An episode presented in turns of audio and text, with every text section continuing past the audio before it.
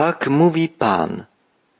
Drugi rozdział Księgi Amosa otwierają te właśnie słowa przypomnienia, iż wszystko, co przekazuje prorok, pochodzi od Boga, Stwórcy i Pana.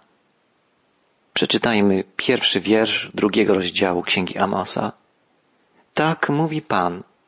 Z powodu trzech występków Moabu i z powodu czterech nie odwrócę tego wyroku, gdyż on spalił kości króla Edomu na wapno. Kolejny raz w wypowiedzi Amosa pojawia się wyrażenie, które oznacza wielość występków. Nie trzy, nie cztery, nie siedem czy sto, ale wiele występków popełnili Moabici jako naród żyjący z dala od Boga. Amos wymienia jednak jeden szczególny grzech. Moabici po odniesieniu zwycięstwa nad Edomitami spalili kości króla Edomu na wapno. W tamtej kulturze było to profanacją szczątków zmarłego. Było zdeptaniem godności pokonanego króla.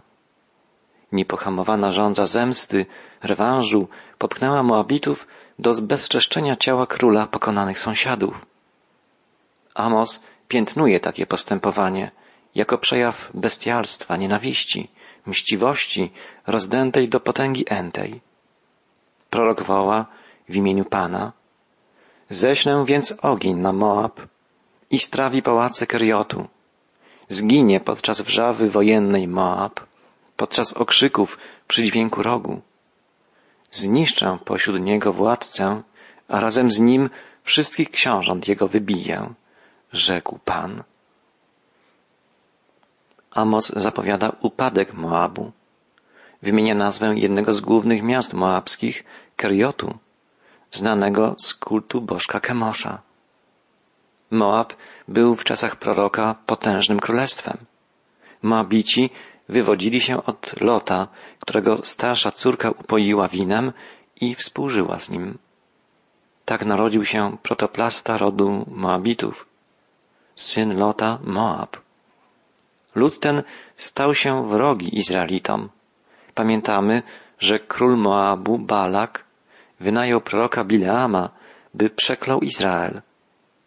Znamy też jednak z kart Pisma Świętego inną, piękną postać, wywodzącą się z tego ludu.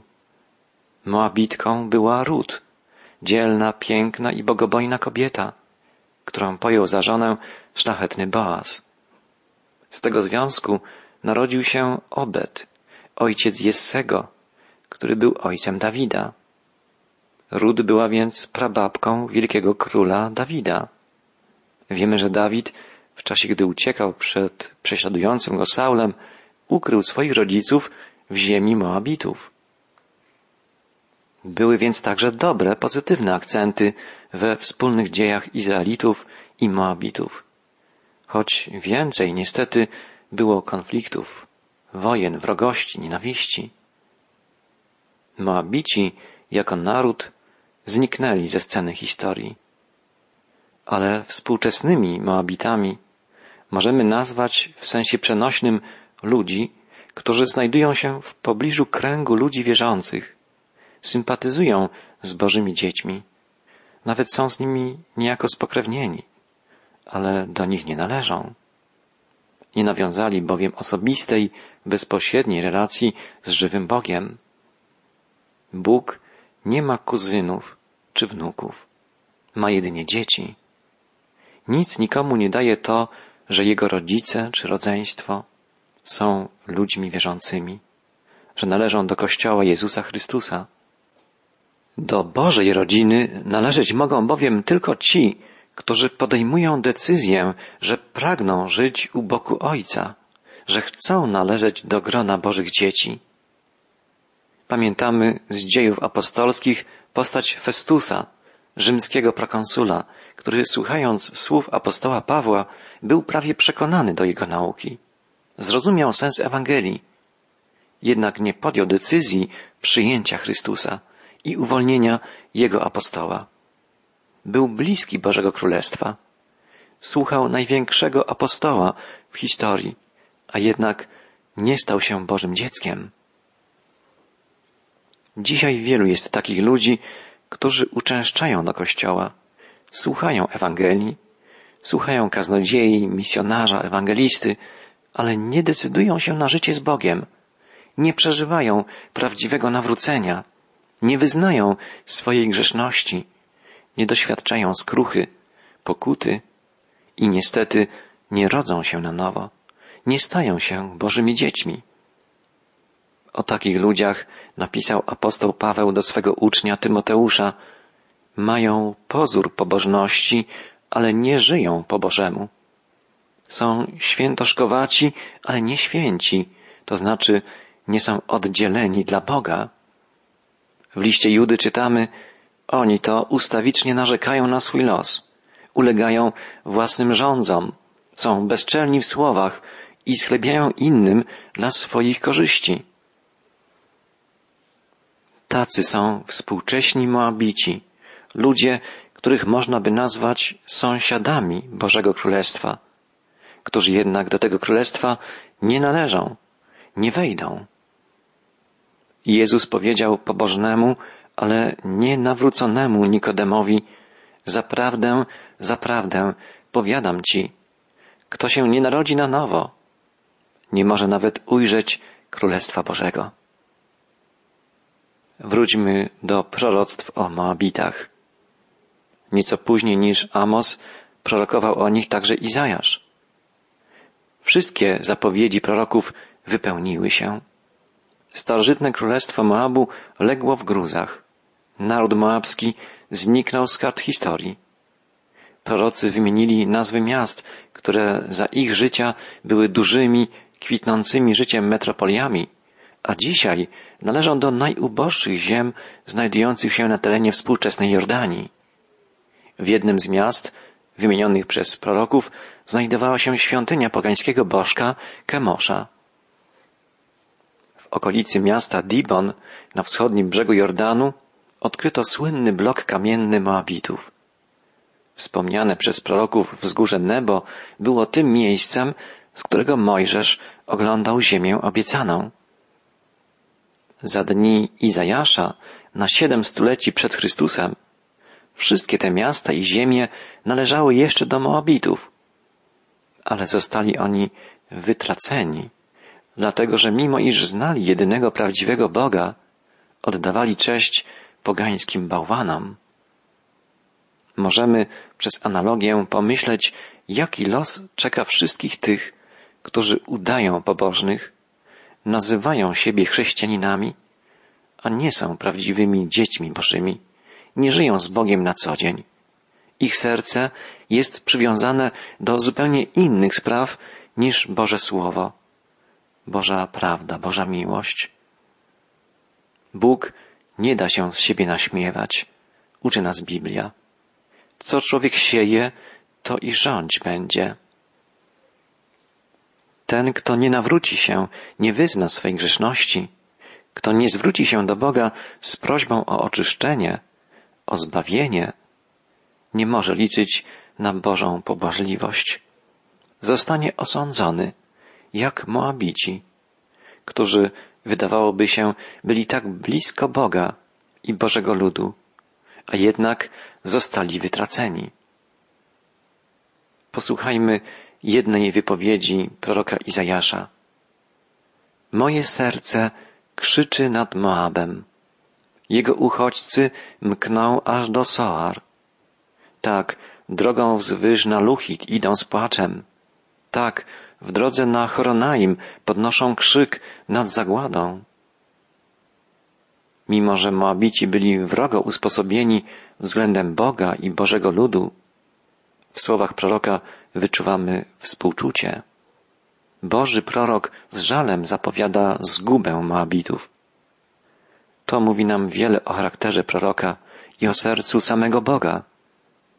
Mimo całej grzeszności człowieka, Bóg stale pragnie go ratować. Bóg miłuje wszystkich ludzi i pragnie, by jak najwięcej z nich zostało zbawionych. Jest to możliwe dla każdego, kto szczerze zwróci się do Boga z prośbą o pomoc, o oczyszczenie.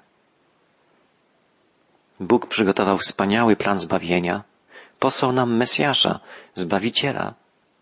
Jezus Chrystus zapewnia, nikogo, kto przyjdzie do mnie, nie odtrącę, nie odrzucę.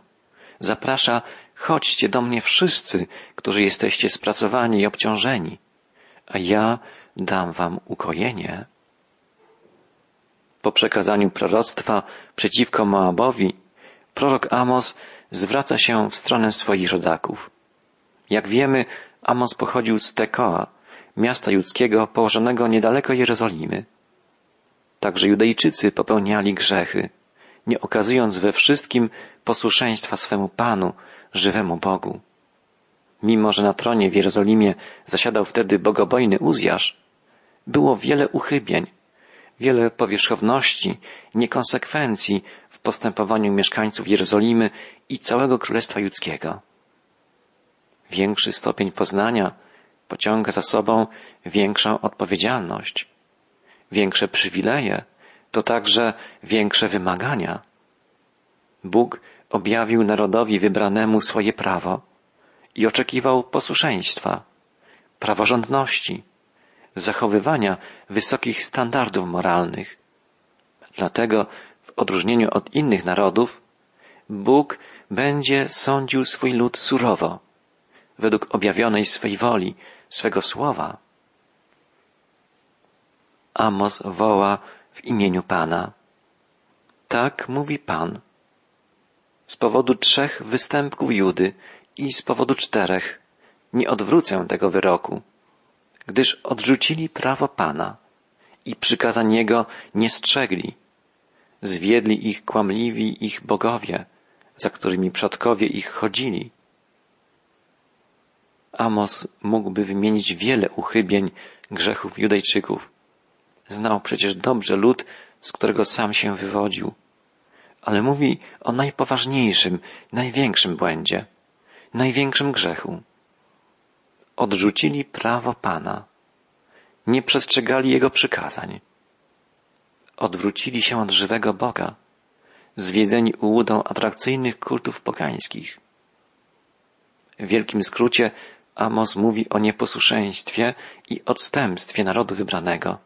Zapowiada to wszystko, co potem szeroko opowiedzą Izajasz, Jeremiasz, Ezechiel i inni prorocy.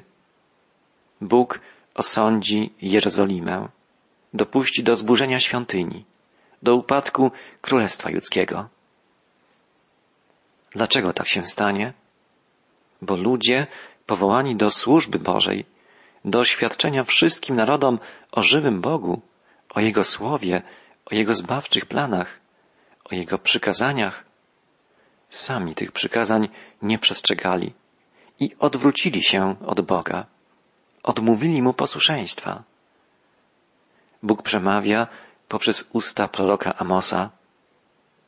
Ześlę więc ogień na Judę i strawi on pałace Jeruzalem. Jeruzalem wraz ze świątynią, której manifestował swą obecność żywy Bóg, zostanie zniszczona, spalona, doszczętnie zrujnowana.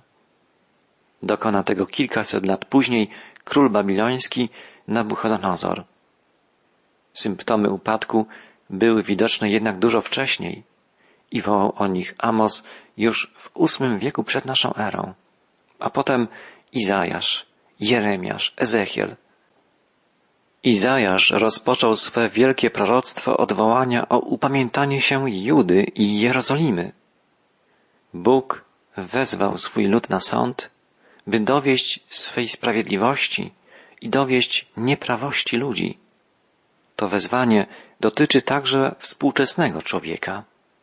Dzisiaj większość ludzi usunęło Boga z sędziowskiego krzesła. Współczesnemu społeczeństwu wydaje się, że jest bezkarne, że nie zostanie rozliczone z niemoralności, z grzechu. Ale Bóg pozostaje sędzią świata i osądzi wszelkie zło, usunie każdą nieprawość. Bóg i jedynie On ma autorytet ostatecznego sędziego. Jest sprawiedliwy, wszechwiedzący, nieomylny. On stworzył wszechświat i jest jego Panem. I także On ustanowił prawa moralne i osądzi ludzkość zgodnie z nimi. Współczesny człowiek zachowuje się tak, jakby Boga nie było. Ale On jest żywym Bogiem, jest wszechmocnym Panem i dokona oceny każdego z nas. Bóg wzbudza narody i sprawia, że upadają. Narody tego świata znajdują się dzisiaj pod władzą szatana, ale ich ostatecznym władcą jest żywy Bóg. Bóg dopuszcza, że powstają wielkie narody i zezwala, by szatan nimi manipulował, a nawet kiedy świadomie brną w zło, dopuszcza, że szatan używa ich do realizacji swoich planów. Ale kiedy nadchodzi czas wyznaczony przez Boga, nieprawe narody znikają ze sceny historii. Niezwykłe dzieje narodu wybranego także dowodzą, że to Bóg jest władcą historii, że to w Jego ręku znajdują się losy narodów. Bóg osądzi wszelki grzech. Nie pójdzie na kompromis ze złem. Uczy narody pokory. Chce przywieźć do posłuszeństwa wiary każdego z nas. Naszą jedyną szansą ocalenia jest dostrzeżenie i uznanie tego, kim naprawdę jest żywy Bóg. Poprzez Mojżesza Bóg w uroczysty sposób zapowiedział, że jego lud, wyprowadzony z niewoli egipskiej, pozostanie w ziemi obiecanej, jeśli będzie przestrzegał określonych praw, Bożych wskazówek. Teraz, po kilkuset latach, Bóg przemawia. Wykarmiłem i wychowałem synów, lecz oni wystąpili przeciwko mnie. Bóg niedługo wypędzi swój lud z ziemi obiecanej.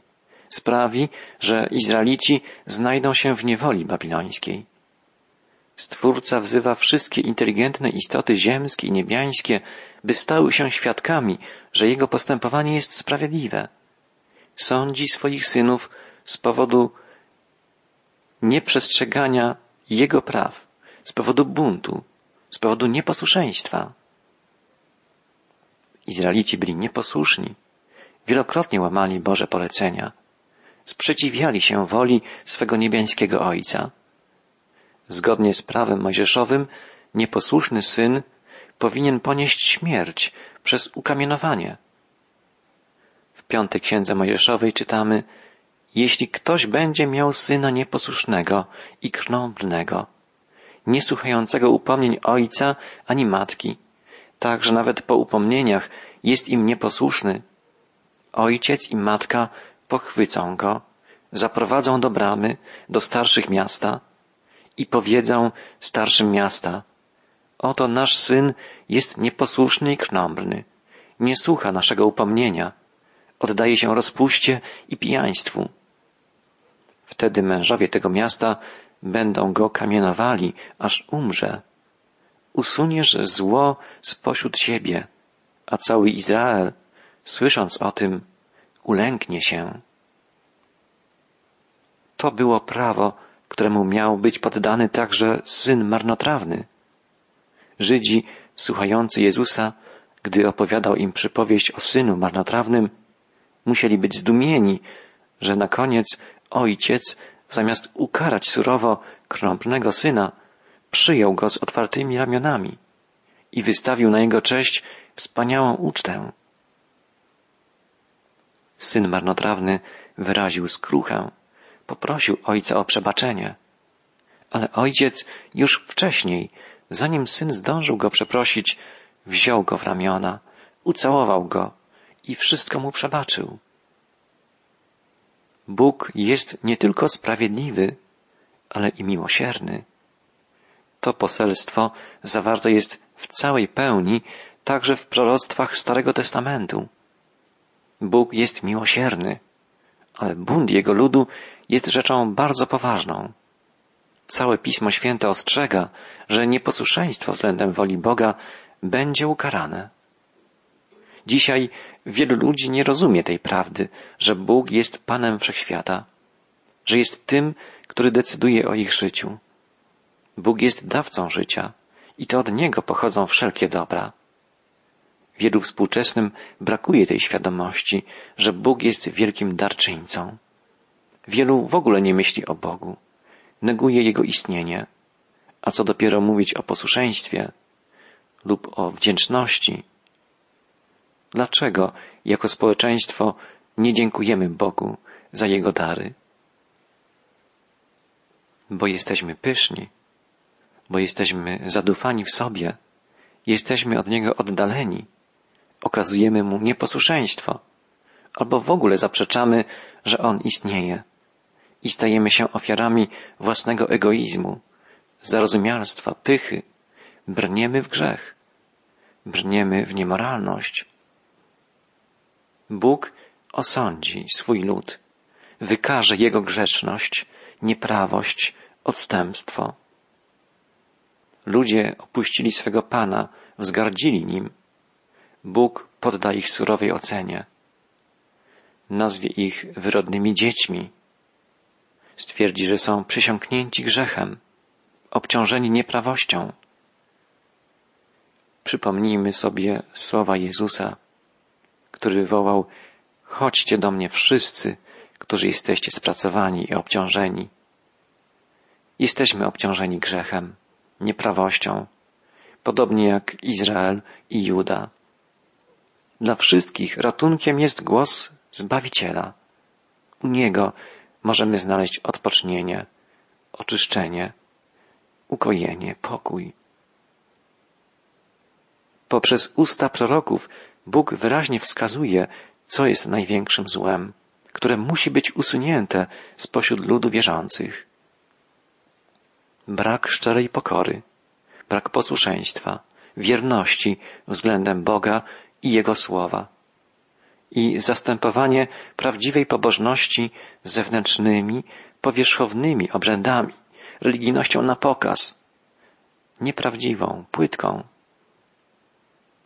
Na przykład prorok Izajasz wołał w imieniu Pana, co mi po mnóstwie waszych ofiar? Krew wołów i baranów i kozów mi obrzydła. Przestańcie składania czczych ofiar. Nie mogę ścierpieć waszych świąt i uroczystości. Bóg wskazuje, w czym tkwi istota zła, na czym polega odstępstwo. Izrael otrzymał prawo Boże, religię, która zawierała obrzędy, rytuały, święta, składanie ofiar. Wszystko to zostało im przekazane za pośrednictwem Mojżesza przez jedynego prawdziwego, żywego Boga. Były to właściwe obrzędy, właściwe ofiary, składane we właściwym miejscu, w świątyni wzniesionej na polecenie Boga, zgodnie z Jego planem. Ale Izraelici tylko pozornie przestrzegali nakazów danych im przez Pana. Składali ofiary i zachowywali obrzędy zgodnie z literą prawa, ale ich serca były w stanie buntu przeciwko Bogu. Tak naprawdę nie byli Bogu posłuszni. Postępowali na co dzień według swoich praw. Egoistycznie, niemoralnie. Popełniali wiele nieprawości, niegodziwości, zła. To jest także problem współczesnych wierzących. Także i my gotowi jesteśmy zachowywać formalnie wszelkie pozory pobożności, podczas gdy nasze życie na co dzień dalekie jest od prawdy Bożej. Nawet gdy wykonuje się czynności, obrzędy religijne nakazane przez Pana, ale nie żyje się zgodnie z Bożą prawdą, jest się odstępcą, wiarołomcą. Wszelkie zewnętrzne formy pobożności nie zakryją tego, co tkwi w sercu człowieka. Czy jest w nim prawdziwa bojaźń przed Bogiem? Czy jest w nim pragnienie okazania mu posłuszeństwa? Czy też tylko powierzchowny formalizm, płytka, zewnętrzna religijność, maskująca samowolę, grzech? Zastanówmy się, jak jest w naszym życiu. Zastanówmy się nad tym, udzielmy sobie sami szczerej odpowiedzi na pytanie, czy Bóg jest najważniejszy w naszym życiu, czy naprawdę przemienia nasze serce.